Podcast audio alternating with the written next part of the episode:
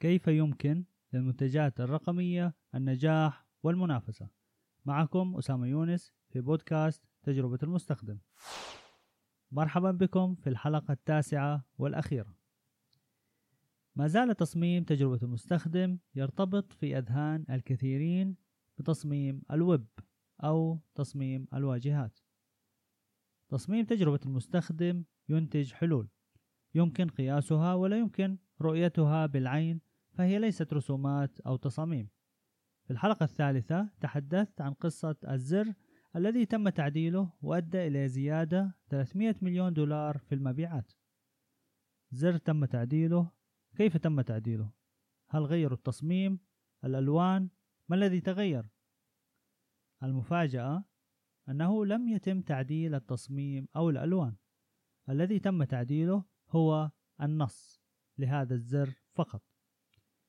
وهذا المثال يوضح بأن تصميم تجربة المستخدم لا يمكن رؤية نتائجها بأعيننا مثل تصميم الواجهات الرسومية إنما يتم قياس النتائج من خلال اختبار قابلية الاستخدام وبناء عليه نستطيع معرفة تأثيرها على المستخدمين وعلى المنتج. المواقع والتطبيقات الناجحة ليست بالضرورة جميلة أو تملك واجهة رسومية جميلة لأن الجمال نسبي ويختلف من شخص لآخر.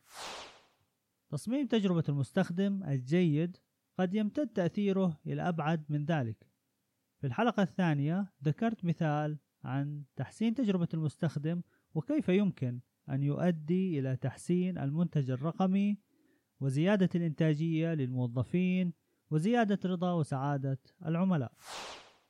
الكل يستطيع أن يكتب ويتحدث من خلال الإنترنت. هناك غير متعلمين وغير مختصين يكتبون ويتحدثون في كل شيء.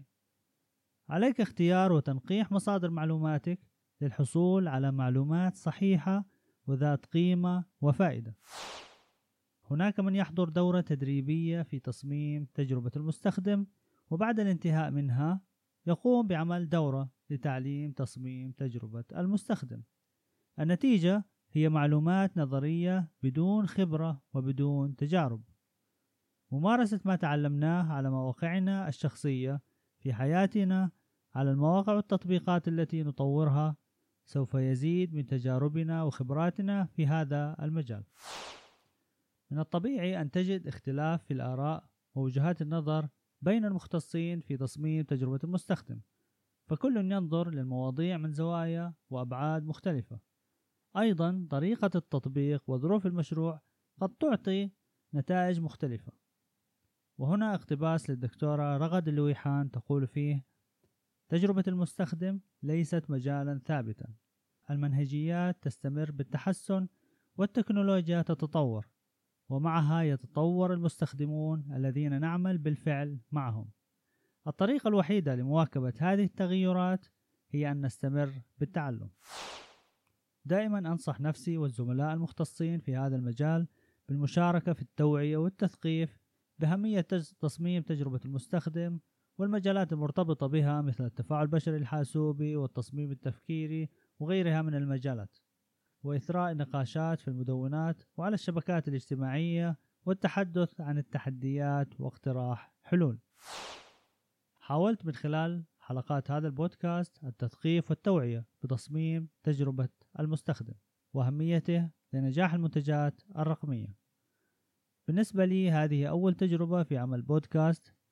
اختيار مكان هادئ بدون ضوضاء كتابة النص والتحدث بالفصحى التسجيل والتعديل وثم النشر كلها تحديات وتحتاج إلى الكثير من الوقت. أتمنى أن أكون قد وفقت في تقديم هذا البودكاست. يمكنكم التواصل معي من خلال موقعي والمدونة وحساب تويتر ولينكد إن. لا تخسر المزيد واستثمر في تحسين تجربة المستخدم.